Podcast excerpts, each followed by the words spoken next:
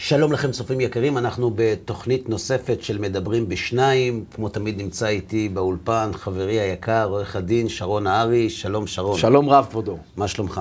ברוך השם, בסדר גמור. יופי, אז אנחנו נפגשים שוב אחרי הפסקה קצרה, ואם אנחנו נפגשים זה אומר שיש לנו על מה לדבר.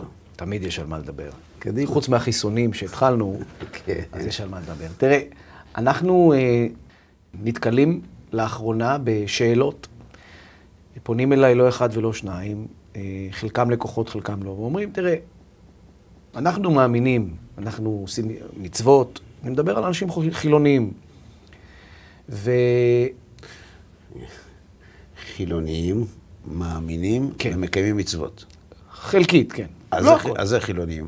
חילוני שלמשל אה, מניח תפילין, עושה קידוש ביום שישי ומעבר לזה לא עושה כלום וגם לא שומר שבת. אז הוא לא חילוני, הוא מאמין. הוא מאמין, כן, ברור. אבל הוא מאמין, לא הולך עם אבל- כיפה ולא הולך כן, עם ציצית. ולא- אוקיי. זאת אומרת, הוא... הוא הוא. בשלבים, כן. כן. כן. אוקיי, אז הם אומרים, תראה, נכון, אנחנו השתכנענו, באמת, יש שמירה, יש קדוש ברוך הוא, אנחנו מאמינים בזה, אבל אנחנו חושבים, לא כולם, כן? אני אומר לך במה אני נתקל.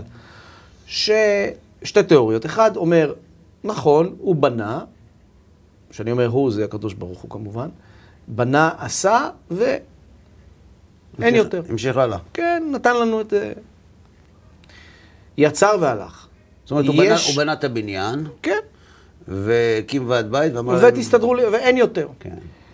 ויש תיאוריה נוספת שאומרת, לא רק בנה ויצר, הוא עדיין כאן, אבל הוא לא מכיר אחד אה, ואחד, אין חשבון דין ו- ודיין לכל אדם פרטי ופרטי, אין כרטיסייה כמו שמדברים, כל אחד, מצוות, זכויות, גן עדן וכולי. יש, הוא- אבל הוא לא, אנחנו לא מעניינים אותו למה- אישית. אז למה הוא כאן? הוא, הוא משגיח שיש איזה כדור הארץ, שיש את הבריאה, ו, וזה יפה, וזה הכל דופק כמו שצריך, או שלפעמים לא כמו שצריך, אבל הוא מסדר את הכל, כי באמת חשוב לו והכל, אבל הוא לא מכיר מזה כבוד הרב אהרון לוי, הוא לא יודע מה זה שרון נהרי. זה, זאת גרסתם. אני- אני לא מדבר על אלה שחושבים שיש פרטני. אני ממש מאוכזב עכשיו. זה מה ש... זאת אומרת, הוא לא מכיר אותי?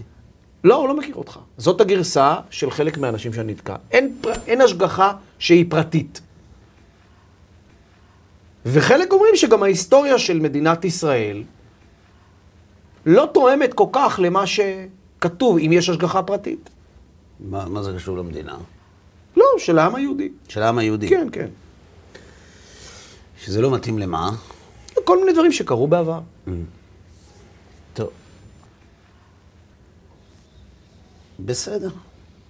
מה אז יש? השגחה פרטית, או, שז... או שיש הרגש... השגחה קולקטיבית, או שהיו פה והלכו. זאת השאלה.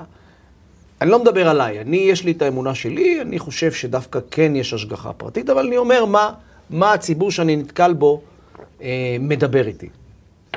אתה מאמין שיש השגחה פרטית? אני חושב שכן. למה? איך איך הגעת לזה? אני חושב שאין שום היגיון ב... זאת אומרת, בכל דבר שהוא חכם, והעולם הוא חכם, והגוף האדם הוא חכם, והפירות והירקות שגודלים הם חכמים, והשמש שוקעת בדיוק בזמן וזורחת בדיוק בזמן, אין איחורים בשמש. ויש גם בגלל השמש צמחייה שעושה גם פוטוסינתזה. כל זה בשביל מי? בשבילנו. נכון.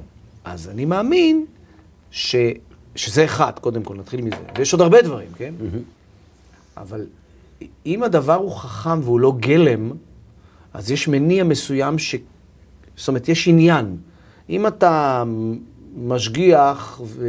ואין שום דבר ואין שום עניין, שום... אין, אין, שום, אין שום מטרה, זה לא הגיוני. אני רוצה לספר לך, שרון, סיפור. על קולגה שלך. אני מקווה שאני צודק, כן. בסדר. היה לנו סמינר של ערכים. ביום שישי בסמינר אנחנו עוסקים בשאלה האם יש הוכחות לאמיתות התורה. בסדר? הרצאה ארוכה. בליל שבת, אחרי התפילה, מגיע אליי יהודי, פחות או יותר בגילך, בן 30? 29. והוא אומר לי, תשמע, אני, לא נעים לי, אבל אני רוצה להתייעץ איתך. אני פשוט לא יכול, אני חייב להתייעץ איתך. אני בסדר, בבקשה. הוא אומר, תראה, אני היום הייתי בהרצאה בבוקר, שדיברתם על, על אה, אמיתות התורה. עכשיו, אני מבין קצת בדיני ההוכחות, והתברר לי שהתורה היא אמת. בסדר? אני בבעיה רצינית.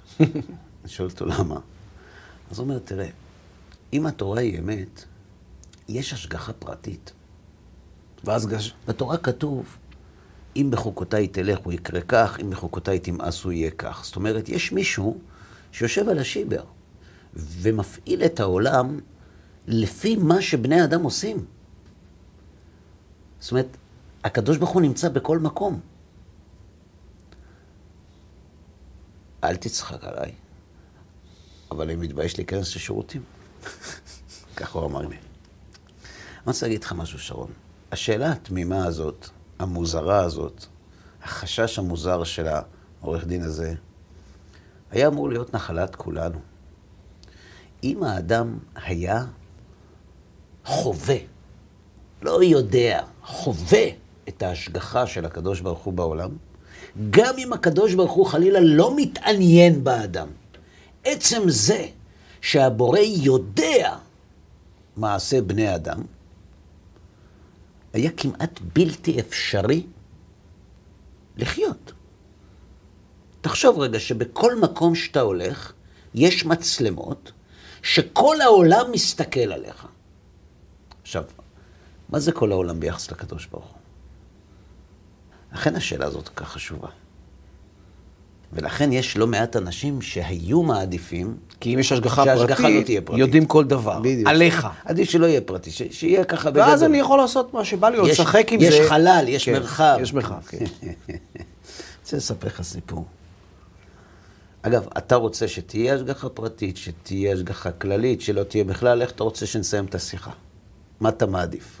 כי מצד אחד, אני אגיד לך מה. אם יש השגחה פרטית, אנחנו חיים בלחץ. מצד שני, אם יש השגחה פרטית, אתה לא יכול לעשות, אין שום, אתה אם- חייב להיות, אם יש השגחה, זה נכון, זה כמו שאמרנו, אבל אם יש השגחה פרטית, אז אתה לא צריך לדאוג. נכון. אתה גם יכול לדרוש. מי שאבא שלו כל הזמן לידו, מצד אחד זה מלחיץ, מצד אחד זה יכול להלחיץ, כן. מצד אחד זה יכול מאוד לשמח. אתה יודע מה, במה זה תלוי? מהי מערכת היחסים של הילד עם אבא שלו. נכון. אם המערכת מבוססת על פחד, הוא רוצה שאבא תעשה טובה, תשחרר. אבל אם זו מערכת שמבוססת על אהבה, אין ילד יותר רגוע מילד שאבא שלו נמצא לידו ויש ביניהם אהבה. זאת אומרת, אלה שחוששים מההשגחה הפרטית, הדבר מעיד עליהם שמערכת היחסים שלהם עם הקדוש ברוך הוא היא של שכר ועונש. זאת של הבעיה. יראה. נכון. וזה לא נוח. מאוד זה לא. לא נוח, זה לא נוח, נעים. מאוד. לא מספיק צריך לעבוד, לפרנס, או צריך את זה. נכון. ואלה שיש להם מערכת יחסים של אהבה עם הקדוש ברוך הוא, שמחים שיש השגחה פרטית. לכן השאלה ששאלתי אותך היא שאלה מכשילה. כי לא, לפי התשובה. אפשר לדעת מהי. מערכת היחסים של העונה עם. הקדוש ברוך הוא. זה נכון. אז טוב, אני רוצה לספר לך סיפור. סבתי עליה השלום, אולי סיפרתי את זה כבר בעבר, לא משנה, סיפור אמיתי, סיפור בלתי נתפס. סבתי עליה השלום, מצד אמי, אה, היא וכל בני משפחתה חיו בהונגריה לפני השואה, גם בתקופת השואה. במהלך השואה, סבא שלי, עליו השלום, הוא נלקח לגדודי עבודה הונגרים לחזית המזרחית. חזר רק אחרי השואה, גם בנס. אבל סבתא והילדים שלה והאחיות שלה ואבא ואימא שלה, כולם נשארו יחד בהונגריה. והם נלקחו ברכבת לאושוויץ ב-44. הרכבת שלהם לא הגיעה לאושוויץ. באמצע הדרך עשתה סיבוב והגיעה לאוסטריה. מתברר בדיעבד שכשקסטנר נפגש עם אייכמן, כדי לנהל איתו משא ומתן, אז הוא אמר לו, תבדוק אותי אם אני יכול אה, להזיז רכבות. תבחר רכבת. אז זה היה באקראי, אתה אומר. לא, אז, אז הייתה רכבת אחת שנבחרה, אבל כל האנשים שהיו בה נסעו לאושוויץ, היא, היא לא ניצלה הרכבת הזאת. הוא- ואז- למרות שהוא בחר אותה. לא, כן, הוא אמר לו, הרכבת הזאת לא. אז הוא בא אליו למשרד, ואמר לו, איך אתה עושה דבר כזה? עכשיו אנשים לא יאמינו לי. אתה הבטחת שהרכבת הזאת... אז הוא אמר לו, הנה, קח, יש פה רשימה, יש מספרים סידורים, הם מסודרים מאוד הגרמנים. אה, איזה רכבת אתה רוצה זאת? והרכבת הזאת כבר יצאה, והיא הוסתה ונסעה לאוסטריה. בהוראה של אייכמן. כן. רק כדי להוכיח לקסטנר שהוא יכול אה, להזיז רכבות. והם היו שם בבית חרושת לגרביים, בתנאים יחסית סבירים לתנאים שהם היו אמורים להיות בהם במחנות אחרים, וכל שבועיים הייתה נעשית סלקציה. מי יכול לעבוד, מי לא יכול לעבוד. והם עמדו בסלקציה, וסבתא ואבא ואימא שלה, ואחיות שלה, כולם קיבלו פתק שהיה עליו איקס. בא מישהו לסבא רבא שלי ואמר לו, אדון קראוס, זה לא טוב, איקס. זה הולך לאושוויץ. תבקש שיביאו לך וי. עכשיו, לא צריך להיות חוקר שואה כדי להבין שאין דבר כזה תביא לי פה, זה לא חנות מכולת. נכון. אבל הוא בתמימותו אסף את כל הפתקים, הלך לפקיד, אמר לו, תחליף לי את זה בבקשה לוי, הוא החליף לו. וכל האיקסים נסעו לאושוויץ, והם נשארו במחנה. ואחרי שבועיים הייתה עוד סלקציה, ועוד פעם כולם קיבלו איקס.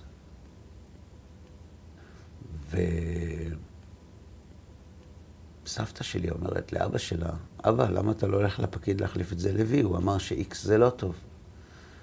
אז הוא אמר, אם הקדוש ברוך הוא לא עושים קונסים. ככה אמר לה סבא. ופעם שעברה, השם שלח לי מישהו שאני לא מכיר. לא פגשתי אותו, וגם לו מאז פגשתי אותו. והפעם הוא לא שלח. אז אנחנו נשאר עם האקסים. כל אבי נסעו לאושוויץ. התחלף. כן, הם עלו על זה שאנשים החליפו, תנו לאנשים וי שלא זה, ולך הם ניצלו. תגיד לי, שרון, זה מקרה, לא. או שזה השגחה פרטית? השגחה פרטית. השגחה. יש כאלה שיגידו שזה מקרה. תמיד אפשר להגיד שהכל מקרה, אבל יש הסתברות יפה. מסוימת. אפשר. אתה אומר- גם בבית משפט אה, אפשר. אפשר כן. להגיד שהכל מקרה, אבל יש ראיה נסיבתית ש... זאת אומרת, יש, אתה אומר, על- יש ראיות נסיבתיות שיש השגחה פרטית. כן. ככה אתה אומר. אני רוצה להקשות על זה. אני טוען שהגישה לשאלה האם יש השגחה פרטית או לא, לא תלויה באירוע עצמו. היא תלויה באמונתו המוקדמת של המתבונן. כלומר, עם אילו משקפיים אתה ניגש להתבונן על המציאות. אתן לך דוגמה. כתוב שיתרו, חותן משה, כן. כהן מדיין, הוא היה, הוא היה כהן רציני מאוד במקדשים של עבודה זרה, והוא, אחרי קריאת ים סוף מלחמת עמלק, עזב את מדיין ונסע למדבר סיני לפגוש את משה ואת עם ישראל. כתוב בפסוק, וישמע יתרו כהן מדיין חותן משה את כל אשר עשה ישראל, את כל אשר עשה השם לישראל וכולי. שואלים חז"ל, מה שמועה שמע ובה? כאילו, מה, מה קרה? איזה מידע הגיע ליתרו שהוא אמר, זהו, אורזים את הפקלאות ויוצאים למדבר? מה הוא שמע? אומרים חז"ל, שמע קריאת ים סוף ומלחמת עמלק. מה כל כך מיוחד בקריאת ים סוף ובמלחמת עמלק? כתוב בהמשך הפסוק. וייחד יתרו על הטובה וכולי וכולי, כי בדבר אשר זדו עליהם. מה זה כי בדבר אשר זדו עליהם? אומרים חז"ל, שיתרו התבונן על גורל המצרים, וראה צחוק הגורל. צחוק הגורל בשפה יהודית זה השגחה פרטית. הם רצו להשתמש במים כדי לאבד את האומה היהודית. כן. ובדבר שבו הם רצו להשמיד את האומה היהודית, באותו הם דבר בעצמם. הם הושמדו, כי בדבר אשר זדו עליהם. הבנתי. כשאדם רואה אירוע של מידה כנגד מידה, מה הוא אומר? יש דין ויש נכון. דין, יש צדק בעולם. זאת אומרת, הוא פתאום מהלל את ההשגחה. כן. כלומר, מידה כנגד מידה היא דבר כל כך רחוק מבחינה הסתברותית, שזה גורם לך לומר, שמע, מה, מה, איך תסביר את זה? כן. אבל הכופר, אבל יש הפוך גם, שלא. יש גם מידה כנגד מידה הפוכה. כן. אבל הכופר מה יאמר? הוא אומר, שמע, מקרה. כן, קורה, קורה. קורים כמו שאני אזרוק עכשיו קוביות, ולפעמים יצא כמה פעמים כן, יש. זה אחד ל, אבל נכון. אם זה אחד ל, יש את הל. כן. זה- אני מספיק אחד, לא צריך יותר. היסוד הראשון, היסוד הראשון שהרמב"ם מביא בי"ג עיקרי האמונה, היא ההשגחה הפרטית. כותב מהר"ל מפראג, דבר מדהים. תקרא יחד איתי, תסתכל. זה כתוב בספר גבורות השם. ודע, כי ג' אמונות הן יסוד הדת. זאת אומרת, תורת ישראל, אמונת בני ישראל, מבוססת, יושבת על שולחן שיש לו שלוש רגליים. ג' אמונות. וכאשר חס ושלום תיפול אחת מהן, תיפול כל הדת בכלל. יפה. זאת אומרת, אם רגל אחת נופלת, אין יהדות. זה או, עסק- זה עסקה, או הכל או כלום. אבל הוא לא אומר שלושה עשר, הוא אומר שלושה. אבל הוא חייב לדייק, רבי אם יוסף, אחד לא רבי טוב. יוסף אלבו בספר, בספר העיקרים שלו, אומר שגם הוא מבסס את כל העיקרים על שלושה, והוא אומר שי"ג העיקרים של הרמב"ם, בעצם כולם מתכנסים לשלושה יסודות. שהם? ואלו הם היסודות. האחת היא ההשגחה. היא שהוא- ההשגחה. זאת כן. אומרת, היא בה', לא היא ההשגחה. רגל אחת היא ההשגחה. זאת אומרת, ההשגחה. השגחה פרטית. שהוא משגיח בתחתונים. זאת אומרת, הרגל האחת שהיהדות יושבת עליה זה שהקדוש ברוך הוא משגיח על מה שקורה בעולם שלנו. האמונה השנייה, שהכל הוא ביד האלוהים. שהכל הוא ביד השם, ואין דבר חוץ ממנו. מציאות הבורא. וזהו אמונת מציאות השם. האמונה השלישית, שידבר השם יתברך את האדם וייתן לו תורה. אומר מהר"ל מפראג, יש שלושה יסודות, שאם אנחנו לא מסכימים עליהם, אין לאן להתקדם. הראשון זה ההשגחה הפרטית. השני, השני שכל דבר שקורה זה בידי השם, השם. מציאות השם, מציאות הבורא, יש אלוהים, כן. והשלישי, והשלישי... אמיתות שכל- התורה. בדיוק. שאם... עכשיו אני רוצה לשאול אותך, הסדר הזה הוא הגיוני? השגחה פרטית, מציאות השם. קודם צריך את התורה. קודם את התורה וקודם... את השם. יפה. אחר כך נראה שהוא שומר עלינו. בדיוק. קודם כל תסביר קודם לי שהוא נתן קיים. לנו תורה, שהוא קיים, ואז, כן. או קודם שהוא קיים, אחר אחרי כך זה נתן תורה. תורה, ואחר כך כן. שהוא משגיח. למה? כי אתה הרי עוסק במשפטים. אני רוצה לראות בשביל קודם מה כל צריך שיש- בית משפט? בית משפט צריך כדי להשגיח האם האדם עבר על החוק או לא עבר על נכון. החוק. אז בשביל שיהיה בית משפט, צריך קודם כל לראות שיש שופט, צריך קודם שיש כל, בית משפט. צריך קודם כל חוק כן, ומחוקק. נכון. מציאות השם, אמיתות התורה, ואחר כך השגחה פרטית. אגב, הרמב"ם אומר, אני מאמין באמונה שלמה שהקדוש ברוך הוא מצוי ומשגיח. כלומר, מה הרמב"ם מונה ראשון? מצוי. מצוי, ואחר כך משגיח. נכון. למה מהר"ל מפראג אומר, קודם כל השגחה פרטית, ואחר כך הוא מדבר השאלה אם יש אה, משקל לסדר שלו. הוא לא אומר... בטח שיש. בטח שיש. יש. כן, הוא היה יכול לעשות את זה אחרת. נכון. תשובה. אם יש הקדוש ברוך הוא, והוא לא נתן לנו תורה, והוא לא משגיח עלינו, מה לא- אכפת לך אם הוא קיים? נכון, אמרת בתחילת התוכנית שיש כאלה שאומרים שהוא קיים. שהוא קיים, אבל הוא לא, הוא לא, הוא לא מעניין.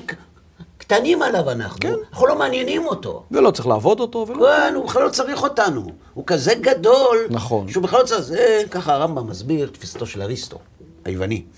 זאת אומרת, אנחנו כל כך קטנים ולא חשובים. לאריסטו היו סיבות שלו למה הוא טען שאין השגחה פרטית על בני אדם, כי הוא טען שבני אדם, משטר את גלגל הירח, חל בהם השינוי, כי הם מורכבים מארבעה יסודות. בארבעה יסודות, כל מה שמורכב מארבעה יסודות יש בו שינוי, ובידיעת השם אין שינוי, ואם בידיעת, בידיעת השם אין שינוי, והוא יודע מה קורה עם אנשים שהם יש בהם שינוי, אז יש בידיעתו שינוי, ואי אפשר שיהיה בידיעתו שינוי, לכן זה לא קיים. בסדר? כן, נגיד. זה, התנגש לו עם האלילים. כן, נכון. זה. משם זה בא. בכל אופן, אומר המהר"ל, היוונים טענו שיש סיבה ראשונה. כך מביא הרמב"ם, בפרק י"ז. קודם השגחה. יש סיבה ראשונה, כלומר, יש, אנחנו קוראים לזה בורא, כי אנחנו מאמינים בבריאת העולם יש מאין, אבל הם טוענים שהעולם היה קדמון, תמיד. אז אומרים, יש סיבה ראשונה, כלומר, יש את המשהו הזה שהוא, שממנו הכל יוצא. כמו האור מן השמש.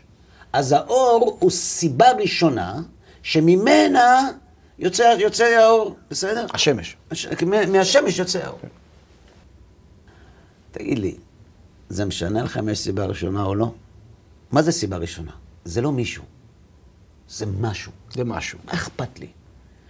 הקדוש ברוך הוא שלא מתעניין בי, הוא לא מעניין אותי. הרי אני לא מעניין אותו. אז מה זה משנה אם הוא קיים או לא? אפשר לעשות חג פעם בשנה, וזהו. גם לא ככה. צריך את זה. לא צריך כלום. אם הקדוש ברוך הוא, אין לו יחסים איתי, לטוב ולרע, מה הידיעה הזאת אמורה לעשות בחיים שלי? כלום. יש אנשים שבגלל זה מאמינים בסיבה ראשונה.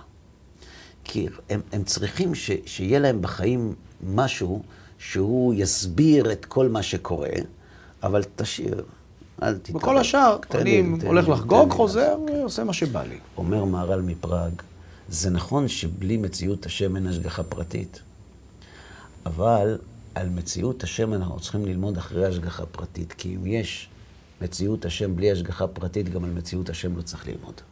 את מי זה מעניין? יש מישהו אחר שמשגיח. אם יש משגיח, כן. אז אנחנו רוצים להכיר מי משגיח. כן, אבל קודם בוא נראה אם יש. בואו נראה אם יש השגחה, ואחרי שאנחנו מבינים שיש השגחה פרטית על כל מה שקורה בעולם, בואו נכיר את המשגיח.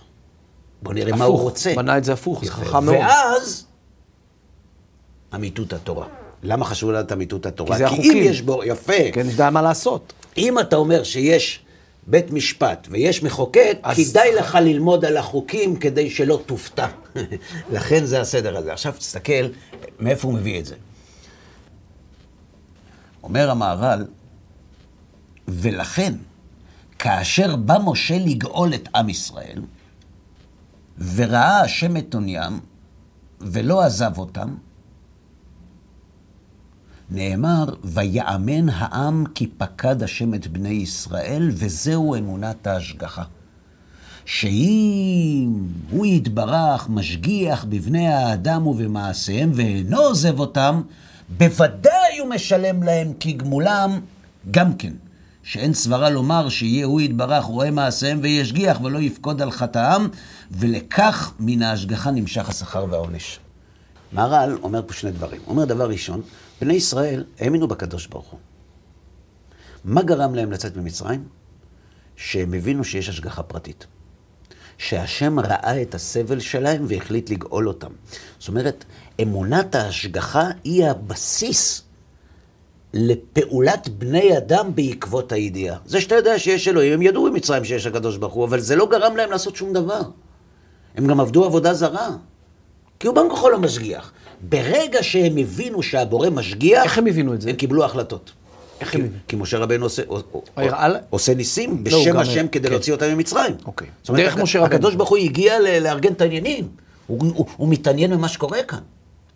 ועוד דבר הוא אומר, זה השכר והעונש. מה שלא שאלת אותי? זה השלב הבא. איפה השכר והעונש בסיפור רגע, הזה? קודם נמצא שבכלל, אה, כמו בבית משפט. כן, אבל איפה השכר והעונש בסיפור הזה? אני בעולם הזה, שהקדוש- בעולם אני הבא? מאמין באמונה שלמה שהקדוש ברוך הוא משלם שכר טוב לצדיקים ועונש אם לרשעים. יש השגחה פרטית, אז ברור שיש דין וחשבון. השאלה איפה. גם פה, גם שם, או זה- רק פה, או רק שם. זה מה שהוא אומר. הוא אומר, אם יש השגחה בוודאי שיש שכר ועונש, כי אם אין שכר ועונש, לשם מה השגחה? מה עניין או תועלת יש בהשגחה אם אין שכר ועונש? השאלה אם זה בעולם הזה, עולם השקר במרכאות, או בעולם... עוד לא יודעים. לא יודעים. אבל העיקרון שיש שכר ועונש אינו דורש הוכחה אם הוכחנו את ההשגחה הפרטית. האם זה מקובל על אדוני מקובל עליי? מאוד. כן. אין היגיון לעשות אה, השגחה פרטית בלי שיש סנקציות. נכון, זאת אומרת, השכר והעונש זה כמו שתבוא לבית משפט, יגידו, אתה אשם, ניהלנו משפט, מוצאים אותך אשם, ויאללה, תמשיך. לארומה. יש הכרעת דין ואין גזר כן. דין. טוב. אנחנו לא מזהירים אותך. אז אנחנו בעצם יוצאים למסע בעקבות ההשגחה הפרטית, ואני אסביר גם מדוע. אם הצלחנו להוכיח את אמיתות התורה, ובמסמך הזה מופיע שיש השגחה פרטית, מבחינה משפטית, תקן אותי אם אני טועה, ברור שיש השגחה פרטית. זאת אומרת, כשאתה מגיע לבית משפט עם מסמך, והשופטים קובעים שהמסמך אותנטי, האם צריך גם להוכיח את מה שכתוב בו? לא. לא. זאת אומרת, ברגע שהוכחנו שהנסח טאבו הזה הוא אותנטי, הוא מקורי, מתאים למקור. אני הולך עם מה שכתוב כאן ומוציא בן אדם מהבית. אם הוכחנו שהתורה היא אמת, ובתורה כתוב שיש השגחה פרטית, אז ברור שיש. לכן, אם יבוא מישהו ויגיד, אני לא מאמין בהשגחה פרטית, אל תספר לו סיפורי מופתים. זה לא יעזור. לא יעזור. תוכיח לו שהתורה היא אמת. אם הצלחת להוכיח לו שהתורה מן השמיים, הרווחת את שלושת הרגליים נכון. של השולחן במהלך אחד. גם אמיתות התורה, גם מציאות הבורא וגם השגחה פרטית, ומזה נגזר גם שכר ועונש. לכן, אנחנו בעצם לא עוסקים באמיתות התורה, כי כבר עסקנו בה. אנחנו רוצים להבין, כשכתוב בתורה שיש השגחה פרטית, למה הכוונה. אני השם, כותב הנביא, חוקר לב ובוחן כליות, לתת לאיש כדרכיו וכפרי מעלליו. זאת אומרת, הקדוש ברוך הוא יודע בוחן לב. ובוחן וחוקר כליות ולב, לשם מה הוא משגיח? כדי ל- לתת לאיש כדרכיו וכפרי מעלליו. עכשיו, אתה שואל, איפה? בעולם הזה, בעולם לא, הבא? כי יש הרבה שאלות שאומרים, רגע, בסדר, ואני עושה ככה וככה וככה וככה, ותראה מה אני מקבל ותראה מה הוא מקבל. איך יכול להיות? נכון. אז הוא- אומרים לו, חכה. לא תמיד. אז זה, זה אחר כך. כשנדבר על שכר ועונש, נתעסק בזה. אבל אני רוצה לברר יחד איתך, מה היהדות? אני אדם מאמין, אתה אדם מאמין. הרמב"ם אומר, אתה צריך להאמין שהקדוש ברוך הוא מצוי ומשגיח. עכשיו, אני למדתי קצת ברמב"ם, והרמב"ם כותב שלהאמין זה לא לדקלם, להאמין זה שתהיה לך דעה שאתה יכול להוכיח שהיא נכונה. אם אני לא יודע מה הכוונה משגיח, במה בדיוק אני מאמין? משגיח על כולם, משגיח על כל אחד ואחד. הקדוש ברוך הוא משגיח על חתולים? מה אתה אומר? על חתולים. כן. לא נראה לי. סיאמים. לא סתם חתולי זבל. חתולים, חתולים. משגיח? לא. לא נראה לך. לא נראה לי שיש שכר לא. ועונש לחיות. לא נראה לך. אז הוא לא לא. משגיח עליהם. לא. עכשיו יש לי שאלה אליך. אם הקדוש ברוך הוא משגיח גם על חתולים, ואנחנו מאמינים שהוא משגיח רק על בני אדם, האם אנחנו מאמינים אמונה נכונה? לא. יפה. לכן צריך לברר את סוגיית ההשגחה הפרטית. לברר מה אומרת האמונה הזאת.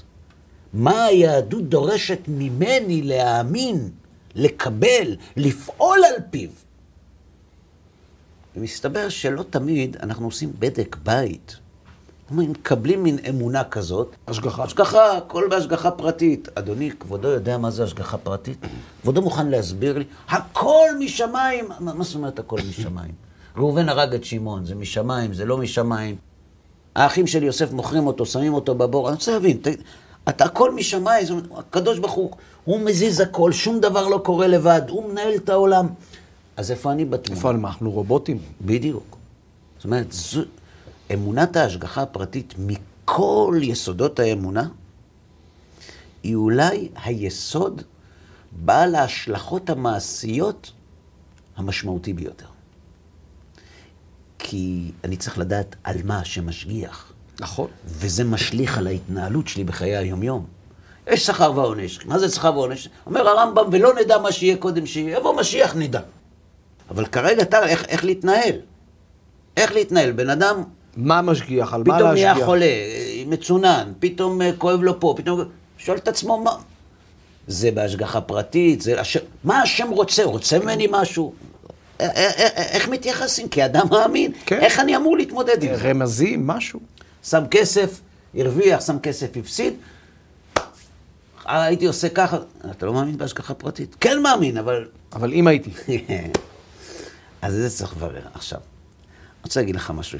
אה, זה ייקח לנו קצת זמן. לא חייבים לסיים את הכל בבת אחת, אבל מה שאני מבקש להגיד לסיום הפרק הזה, זה שזה הרבה יותר מורכב ומפתיע ממה שאנחנו חושבים. ומפתיע. כן, כי יש דעות שונות של חז"ל, של חכמי ישראל בימי הביניים, לגבי השגחה פרטית. ואלו הם לכאורה גישות שונות בתכלית, שנצטרך להבין בסופו של דבר. אבל התוצאה, אז זהו, צריך לבדוק האם דומה? בסופו של דבר התוצאה דומה או שלא דומה. נכון, פרשנות ואם פחות. היא לא דומה, באיזו דרך אנחנו אמורים להחזיק? זאת שאלה מורכבת. אז את זה בעזרת השם נעשה בתוכנית הבאה. בלי נדר. שמחתי מאוד. תודה, שרון, העלית נושא חשוב מאוד מאוד ומורכב. תודה שהגעת לכאן. תודה אני לך. מאוד מעריך את הזמן שהקדשת גם בשבילי וגם בשביל הצופים שלנו. תודה רבה גם לכם, צופים יקרים, שהשתתפתם איתנו בעוד תוכנית של מדברים בשניים. אנחנו מאוד מקווים שהדברים יהיו לתועלת, ובעזרת השם, ניפגש בתוכניות הבאות. כל טוב לכם.